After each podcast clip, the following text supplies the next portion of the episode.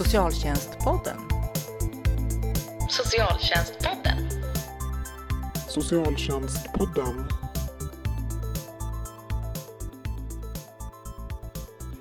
Välkommen till podden för dig som är intresserad av socialt arbete och socialpolitik. Idag är jag Camilla Sköld programledare och jag har med mig i studion en mycket speciell gäst den här gången som är här av en mycket speciell anledning. Och jag säger välkommen till Susanna Alakoski. Mm, tack. Eh, och när jag säger att du är här av en speciell anledning så ska vi återkomma varför det är så speciellt och varför det är så extra roligt att ha dig här. Eh, och eh, jag förstår ju att de som lyssnar på podden vet ju vem du är men jag tänkte väl ändå att vi kunde väl börja prata lite grann om vem är Susanna Alakoski? Ja, det är väl så att de flesta känner till mig genom eh, att jag är författare och har skrivit en bok som heter Svinalängorna som eh, blev både film och teater och eh, spred sig. Jag fick Augustpriset för den och eh, har sedan dess egentligen varit verksam som författare på heltid genom att skriva krönikor och artiklar.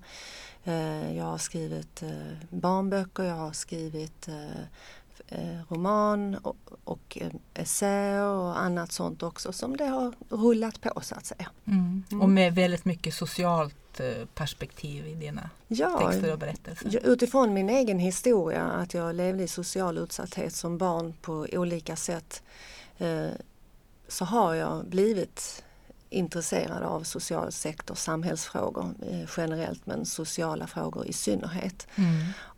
Eh, det gjorde att jag utbildade mig, jag, blev, jag har arbetat som socialarbetare, jag blev socionom väldigt ung och eh, sen så har jag i mitt författarskap sysslat med sociala frågor kan man väl säga ganska genomgående. Eh, och det är ett väldigt medvetet val. Mm. Mm. Det är där jag har mitt intresseområde.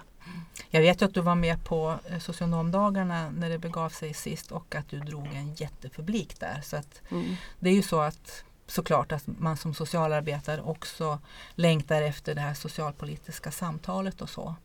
Och jag nämnde det att det är en speciell anledning. Du ska köra egna program i våran podd. Jajamensan, jag är jätteglad för det. Det ska ja. bli så kul. Ja. Och det kommer såklart att handla om, om socialpolitik och sociala frågor. Absolut. Min avsikt är att bjuda in eh, allt från forskare eh, till eh, brukare till eh, kanske det dyker upp någon författare. Mm. Det kanske dyker upp någon socialt studerande. Ah. Det kanske dyker upp hemliga gäster. Man. Ja. Jätte, jättespännande. Publiken får gärna föreslå. Ja, Kommer det hörde ni. Hör av er och föreslå gäster till Susannas podd. Nej, för min bild är ju att det finns ju verkligen ett sug efter ett, ett socialpolitiskt eh, samtal. Och jag funderar, hur, hur tänker du om det socialpolitiska samtalet idag? Har vi något sånt överhuvudtaget i det, i det offentliga? Jag skulle vilja säga att det både finns och inte finns. Eh, I den sociala sektorn pågår ju diskussionen. Det finns ju mängder med, med duktiga människor i, den, i branschen. Mm. Eh, den sociala forskningen pågår. Vi har landets socialhögskolor och det forskas och det skrivs och det tänks och det eh, tillsätts utredningar och allt möjligt sådant.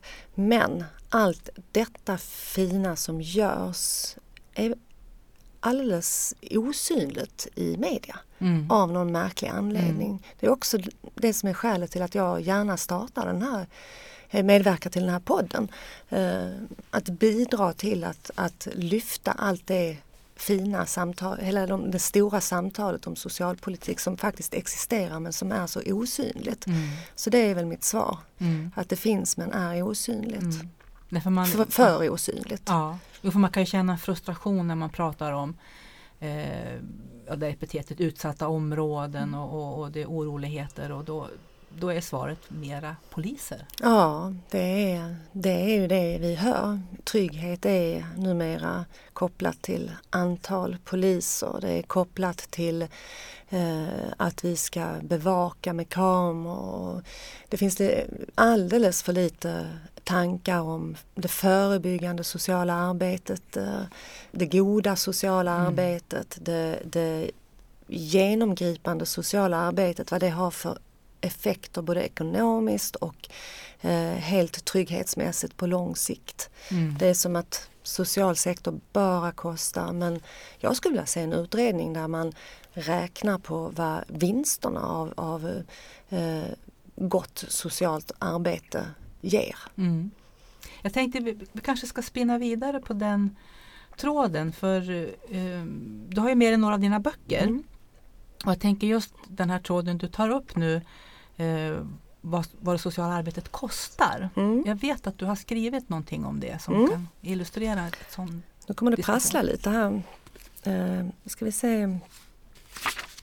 Jo, jag får ju ofta frågan om, eller människor uttrycker just det där att det kostar så mycket med socialt arbete. Ja, det kostar en hel del.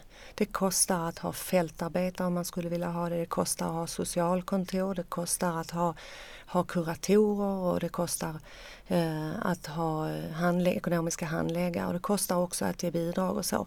Men när jag får den frågan, som jag då får väldigt ofta faktiskt när jag är ute och föreläser, så, kan jag, så, så säger man så här, och det har jag då skrivit i, en, i april i Anhörig Sverige. En fråga, det kostar att inte hjälpa. Hen frågar, vad har jag personligen att vinna på att mina pengar tillfaller det sociala? Jag svarar, frågan ställs ofta. Jag svarar, tro på idén att jag som har det bra får det bättre om du också har det bra.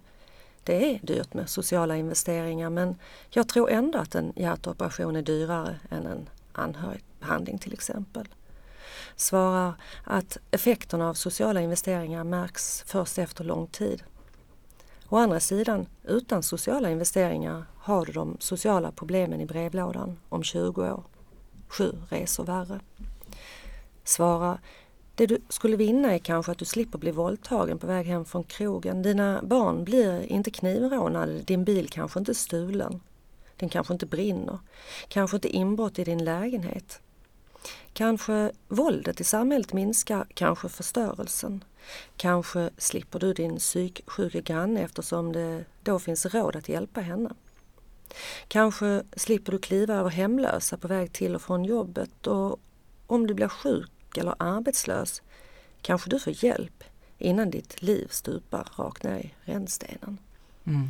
Det är ett litet stycke, det fortsätter. Den listan kan göras mycket längre, göras mycket längre om vad ett socialt hållbart samhälle skulle kunna innebära i form av eh, trygghet för alla. Ja, precis. Och jag tänker också en diskussion som förs ibland det är ju eh, att vi möter människor som tvingas tigga. Mm. Och då är liksom lösningen, ja men då förbjuder vi tiggeriet. Mm. Det som du beskriver är ett helt annat mm. förhållningssätt. Att faktiskt om vi jobbar förebyggande och ser till att man inte behöver tigga mm. så är det liksom ett, ett värde för oss alla. Det är klart att det. Det skulle ju vara fantastiskt om, om och därför man ju del, tänker jag att man får dela upp. Vi har ju haft Eh, tiggare i Sverige långt innan Precis. vi fick de europeiska tiggarna hit. Eh, och då på den tiden så talade vi om, om fattigdomsproblem eh, och hur skulle vi, vi hade lågtröskelverksamhet för människor som inte klarar av sina liv riktigt själva och så. Och det, det, det var ju skönare när, när vi in, när vi hade verksamheter som kunde omfamna de här människorna som levde i den största utsattheten så att säga. Mm. Det är påfrestande för alla. Mm. Uh, att den maktlöshet vi alla känner av att mina allmosor hjälper inte. Det är klart att man önskar socialpolitik och i ett europeiskt perspektiv så går det att omsätta till europeisk socialpolitik. Mm. Och vad, vad hur tänker du den socialpolitik som förs? Vad, grund, eller, vad grundar det sig på för underliggande värderingar? Alltså vad är ett socialt problem egentligen? Det finns väl egentligen ingen eh, generell förklaring eller eh, titel eller samsyn på vad ett socialt problem är för någonting. Det, det, det, kan man ju uppfatta som väldigt olika. En del tycker ju att skyll dig själv att du har hamnat i, din, mm. i den situation som mm. du lever i medan eh, andra eh, inom forskning eller eh, allmänheten förstår att det har kanske pågått en kris i ditt liv. Eh, mm. Jag menar hemlöshet kan ju komma sig av att du har gått till socialkontoret, du har en hyresskuld. Som bakom den hyresskulden visar det sig att du har eh, en tonåring hemma som har självskadebeteende, mår hemskt dåligt, du kanske är ensamstående mm.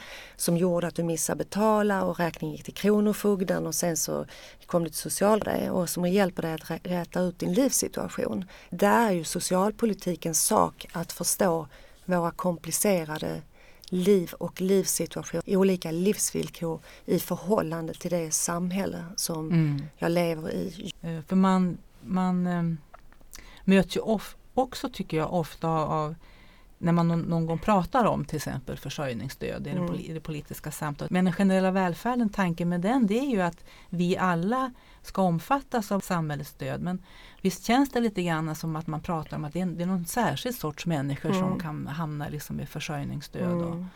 och, och, och, så. Och det är ju jätteilla faktiskt. Det, det, är inte alls bra att man tänker så. Jag tänker att vi alla kan bli psykiskt sjuka. Ja. Vi kan alla bli fysiskt sjuka, vi kan alla bli socialt sjuka också. Mm.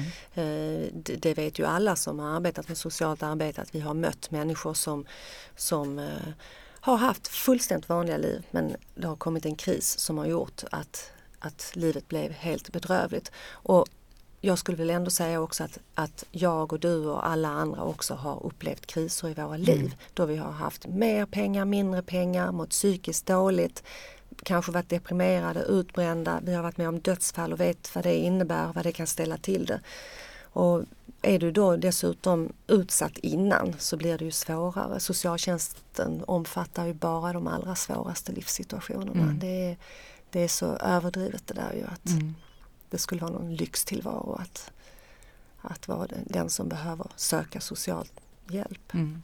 Och där kan man väl också säga att dina texter hjälper till att förstå vad, vad är utsatthet och vad är mm. fattigdom. Har du inte någon, någon sån jo, text vi kan titta på? Jag har en text som handlar om eh, till exempel eh, fattigdom som jag har sysslat med i min bok som heter Oktober i Fattigsverige. Jag kan läsa en snutt av den, nu prasslar det här igen antagligen lite grann. Att begripa fattigdom innebär att förstå hur den skapats av ett komplext nät av social, bostads, sjukvårds, skol och arbetsmarknadspolitik.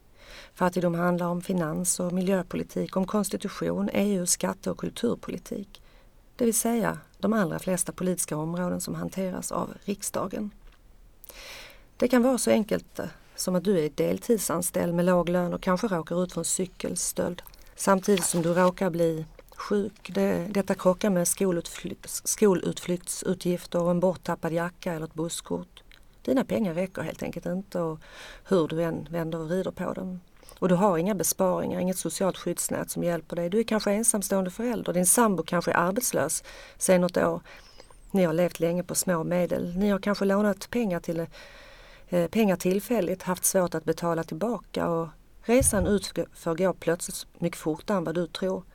Och du kommer inte ikapp eftersom du kanske råkar ut för en rotfyllning också eller en olycka. Kanske behöver ett av dina två barn glasögon, kanske dör en släkting och så vidare. Och det där är för mig, alltså, när jag tänker på till exempel begreppet barnfattigdom så mm. är Rädda Barnens uttryck, det är inte mitt uttryck barn som lever i ekonomisk utsatthet, de har ju ingen intresseförening som för deras talan som allergiska barn kan ha.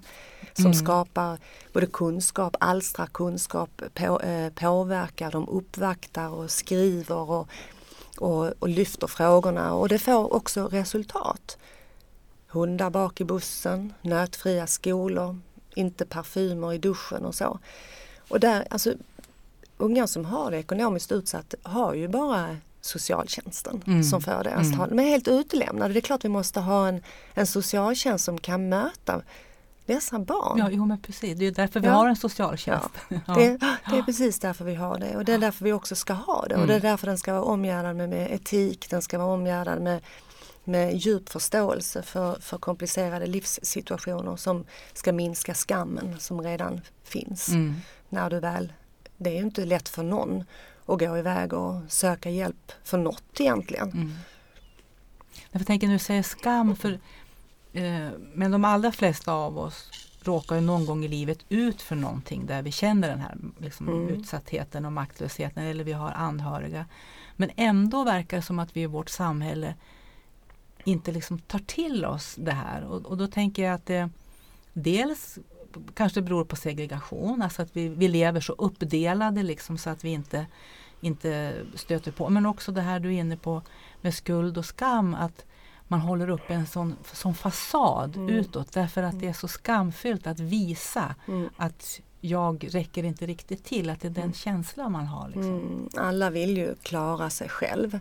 Det finns ju den här värdigheten av att, att jag, jag reder mig själv. Det är ju de allra flestas önskan. Mm. 99 procent och en halv procent, 99,5, alltså vill verkligen reda ut sina liv själv. Mm. Nästan ingen fuskar och man vill bidra och allt det där. Det är ju grunden Mm. för de allra flesta människor. Vanliga hyggliga människor sådär.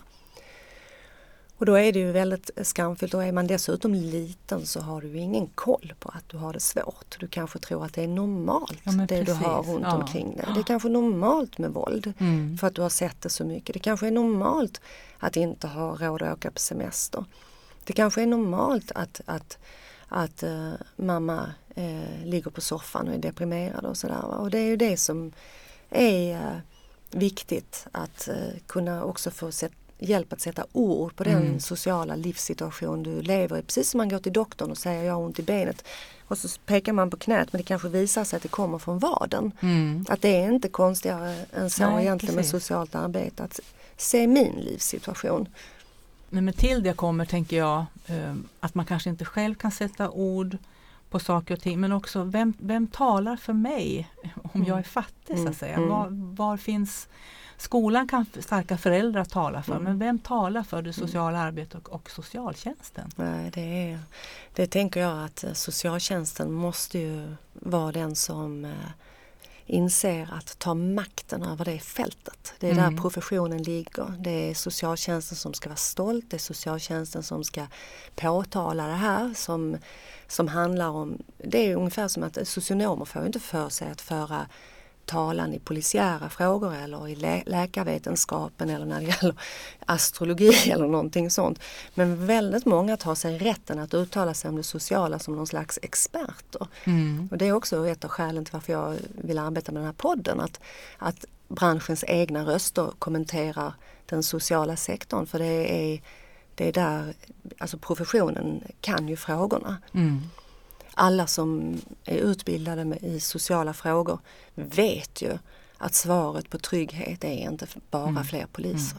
Alltså det, är ju, det, det går ju ett skratt genom den sociala kåren när man, när man talar om att, att det skulle vara likställt. Alla förstår ju att det är bra med kvarterspoliser och det polisiära arbetet är superviktigt men det är inte svaret på Mm. social hållbarhet enbart. Det är det absolut inte.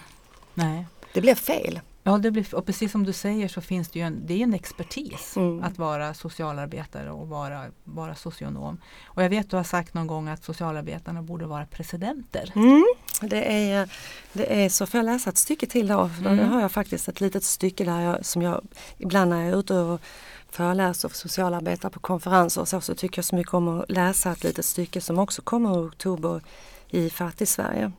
Det här är ju då en, en, en bok som handlar om mina erfarenheter. Jag tittar ju på social utsatthet i ett hundraårsperspektiv så jag tittar, börjar, börjar på 1900-talet och så tittar på min egen tid som barn. Jag ställer frågan om man kan bli socialt sjuk på samma sätt som man kan bli fysiskt eller psykiskt sjuk. Och om jag kan bli socialt sjuk, kan jag i så fall bli socialt frisk? Mm. Vad krävs det av mig själv? Vad krävs det av samhället och så? Så att den är ju delvis då biografisk också den här boken. Eller det är en stor del är ju biografi också i den. Mina erfarenheter handlar om samma skit som sociala forskare, diakonis och lärare ser barn drabba idag. Det handlar om samma fattigdom, samma ensamstående föräldrar, samma utlandsfödda familjer som bor i samma politiskt övergivna områden där motorvägarna går utanför barnkammarfönsterna i barnrikehusen och där medelklassen sällan har några ärenden att uträtta. Men så är det med samhällsarbetarna. De vet och de kan. Och jag önskar att det var de som var påvar, kungar och presidenter. Mm. det där ska vi ha med oss, eh, tycker jag, att socialarbetarna ska känna. De ska vara presidenter, de ska vara påvar. Ja, de ska vara påvar och kungar och presidenter. Det, finns, jag ska, det ska finnas en stolthet i kåren och man ska självklart lägga sig i när sociala frågor diskuteras. Då borde ju, då borde ju bara socialarbetarna samla sig och mm. gå ut och svara. Mm. Så, så, så, här tänker vi och det här säger vi och mm. så här tycker vi och vi har sett och referera till social forskning. Och jag saknar mycket det i eh, Vetenskapsradion, Vetenskaps-TVn, hur man, man, man mm. skildrar och visar program om massa olika vetenskapsområden. Men sällan eller aldrig om social vetenskap och jag förstår det inte. Mm. Men nu hoppas jag att det ska bli ändring på det. Ja, precis. Jag har hört dig förut säga det här om mm. Vetenskapsradion och jag kunde inte låta bli att tänka på den kopplingen. Nu är det här en tid sedan jag lyssnade på P1 och Vetenskapsradion. har de ett inslag om att man har hittat käkben på en groda. Just. Väldigt sällsynt groda och det här käkbenet hade vissa kännetecken som stämde överens med människans käkben. Och jag kanske inte är rätt person att bedöma liksom värdet av den men, men nog tänker jag att det finns social forskning som kanske borde vara mm. mer intressant äh, än så. Men, men vad tänker du varför är socialarbetarna så tysta då? För engagemanget vet jag finns där. Mm. Eh, jag, jag tänker att, att det är delvis eh, för att det är ett eh, huvudsakligt kvinnoyrke. Mm. Jag tror att det, är, det handlar om självförtroende. Det handlar om att varje gång socialt arbete diskuteras i media så är det skit. Mm. Det skildras misslyckande, eh, katastrofer. Det skildras eh, eh, de mest extrema historier. Mm. Går upp på löpsedlarna och sånt och det gör ont för branschen när egentligen då varje socialarbetare, socialsekreterare vet med sig i sitt mångåriga yrke skulle kunna göra långa listor på människor eh, som de har verkligen hjälpt, familjer, eh, mm. situationer som de har styrt upp. Det goda sociala arbetet. Mm. Och där tror jag också att kanske också en del skyddar sig bakom sekretessen. Vi får inte uttala, sig, ut, uttala oss och, och sådär. Och där tänker jag att där kan branschen faktiskt rycka upp sig. Mm. Det finns mycket man kan uttala sig om utan att röja sekretessen. Mm. Man kan mm. tala om att det här ser vi, det här förstår vi. När, när ett ärende går fel så att mm. säga, mm. för det händer ju då också naturligtvis. Då borde ju branschen uttala sig om kanske arbetssituationer som ledde till det. Så att man hela tiden kopplar eh, de frågorna som diskuteras till det här stora komplexa som omgärdar det sociala fältet så att säga. Mm. Det går ju oftast att förklara. Mm. Det finns ju många eh, ärenden i socialsektorn där man talar om vårdnadstvister till exempel där klienten har flyttat hela tiden. Då är det ju jättesvårt att, för ett socialkontor att, att man, man, kan inte följa en klient som socialsekreterare. Den byter någon en stad så byts ju socialkontoret och sådär. Mm. Så det finns ju sådana sammanhang. Det finns ju massa mm. komplicerade sammanhang som det är ju otroligt juridiskt komplext arbete att, att syssla med. Att förstå lagar, tolka lagar. Eh, det är också en alldeles speciell sorts lyhördhet. En, ett speciellt sorts reflekterande som socialarbetarna behärskar mm. som eh, skulle behövas i det offentliga mm. samtalet. Och då handlar det nog också om att, att, skapa sina egna kanaler för det ser ju vi också som facklig organisation. Det är ju nästan omöjligt att få ut att få någon media att intressera sig för ett gott exempel eller ja faktiskt arbetssituationen har man ju faktiskt mm. fört upp på dagordningen. Mm. Men det är ju så. Media vill ha de här liksom uh, ja, skandalreportagen. Mm. Så att säga. Men, Därför är det också viktigt att branschen själv står för det här andra. Ja, det och då tänker jag att ett jättegott exempel är ju Vi står inte ut. Mm. Eh, grupperingen som, som eh, eh, vi hoppas att vi ska kunna ha med en podd framöver som verkligen har satt situationen för ensamkommande barn på, mm. på dagordningen. Och där är det ju bland annat socialarbetare. Mm. Så det kan ju vara som en modell mm. kanske för att Mm. Att det går att göra någonting. Verkligen och förklara sammanhanget. Jag tänker att det här vi står inte ut.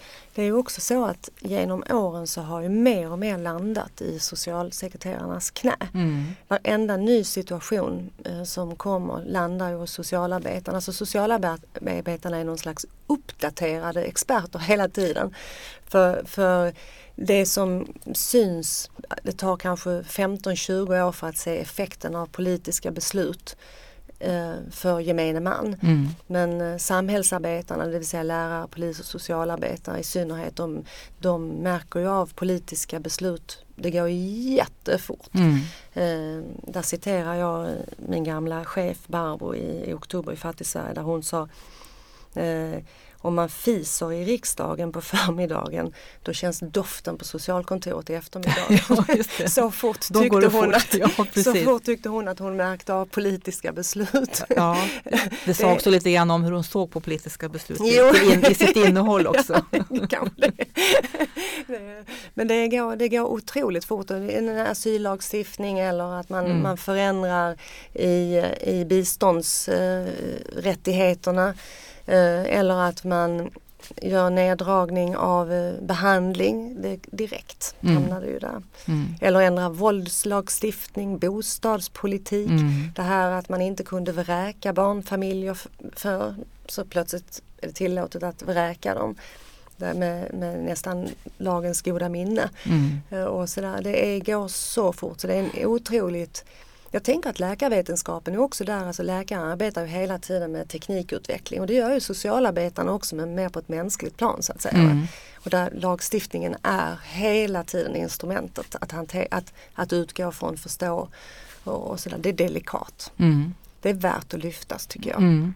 Men jag tänker lagstiftningen eh, vi har ju en, en, eh, tycker jag, ganska bra socialtjänstlag mm. och likadant LSS. Samtidigt som man ser att trots att intentionerna och det ligger kvar så ändras ju tillämpningen liksom mm. över tid. Så att det är ju som att det räcker inte, det är jätteviktigt med lagstiftning. Mm. Men det, på något sätt så är det någonting annat i samhället och, som också styr värderingar. Och då är vi tillbaka till det vi började tycker jag, alltså vikten av ett socialpolitiskt samtal mm. och en socialpolitisk medvetenhet. Mm. Ja, vad, har vi, vad är nyttan med en, en socialtjänstlagstiftning? Um, vad är, vad är nyttan med att tolka den generöst? Mm. Och vad är konsekvenserna av att tolka den snävare? Uh, det, det, är en jätte jätteviktig socialpolitisk eh, diskussion. Mm. Eh, det är ju egentligen väldigt märkligt att man kan tolka samma lagstiftning på, på olika sätt. Mm. Det gör man ju i och för sig också med, med brottsmål och sådär. Så att det kanske inte helt eh, det är inte ovanligt på det sättet men det är ändå hela tiden den diskussionen som måste hållas levande. Mm. Med sikte på samhällsekonomiska vinster av det ena eller det andra synsättet. Det är ju hela tiden det som jag tänker ofta på det här att när jag var eh, själv gick på socialhögskolan när de sa, vi fick lära oss det här att om man hjälpte till att rätta till ett enda liv under hela sin yrkesverksamma livstid eh, så skulle man ha tjänat in hela ja, sin egen livsinkomst genom mm. att, för att så mycket kostar det att ha sociala problem. Mm. En familj som kraschar eller det går illa för ett barn med placeringar eller missbruk eller någonting annat. Så det, det, är väldigt mycket pengar och, och, och tjäna samhällsekonomiskt tror jag på att vanliga människor har det bra. Mm. Så att vi ska bo bra. Alltså det är, det är ju inga orimliga krav vi snackar om egentligen. Mm. Nej, grundläggande mänskliga rättigheter ja, faktiskt. Ja, det, det, är ju det. det, är ju det. Mm. Och det. Jag håller verkligen med det här du säger om när man då tittar på lagen och, och tillämpningen, hur viktigt det är med det här samtalet som hela tiden måste liksom bära upp ett bra innehåll i, i socialpolitiken och där kommer ju litteraturen in mm. faktiskt, alltså litteraturen som socialpolitisk kraft. Mm.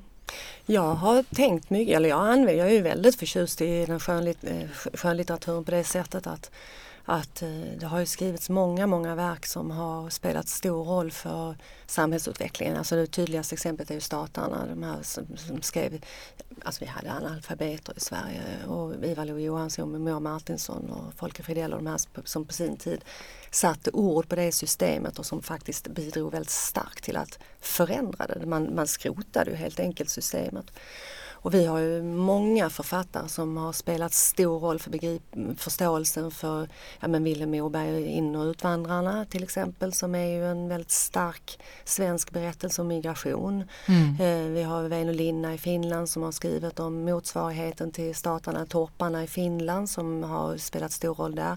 Margarita Duras har skrivit otroligt fint om fattigdom och utsatthet och Clarice Lispector och vi har Tove Jansson och mm. det, det är mängder sådär och jag har själv eh, eh, jag tror att Vilhelm Moberg han, han, eh, han var egentligen den som tror jag formulerade på sin tid eh, grunden, en grund för vad jag tror socialtjänsten vilar på än idag. Att eh, det ska kosta så lite som möjligt. Han skrev, jag tror det var 1900, 1949 så skrev han så här i Utvandrarna att Fattiga och föräldralösa barn utackorderades på auktion av sockennämnden på tjänliga ställen för möjligen bästa pris. Mm.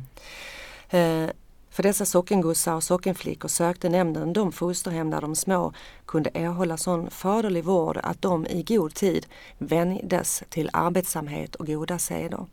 Det var som det var i alla socknar på den tiden.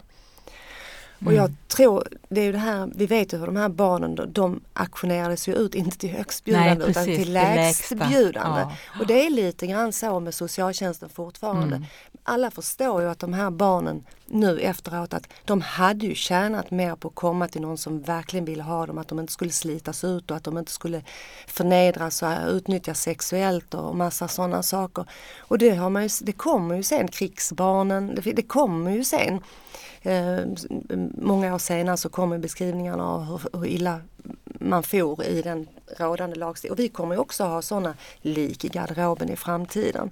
Och det är ju, jag tänker att vi har många skönlitterära böcker att vänta tror jag som kommer att beskriva. Jag tror säkert att vi har några författare att vänta från Rosengård som kommer mm, att beskriva mm. hur det mm. var att växa upp med kackerlackor i husen. Mm. Vi ser med eh, branden i huset nu i London så där det visas nu efteråt att det har funnits kritik. Mm. Eh, förfärlig situation. Mm. Eh, och vi har också i musiken beskriver, beskriver ju man, från att den har ju varit droghyllande ju.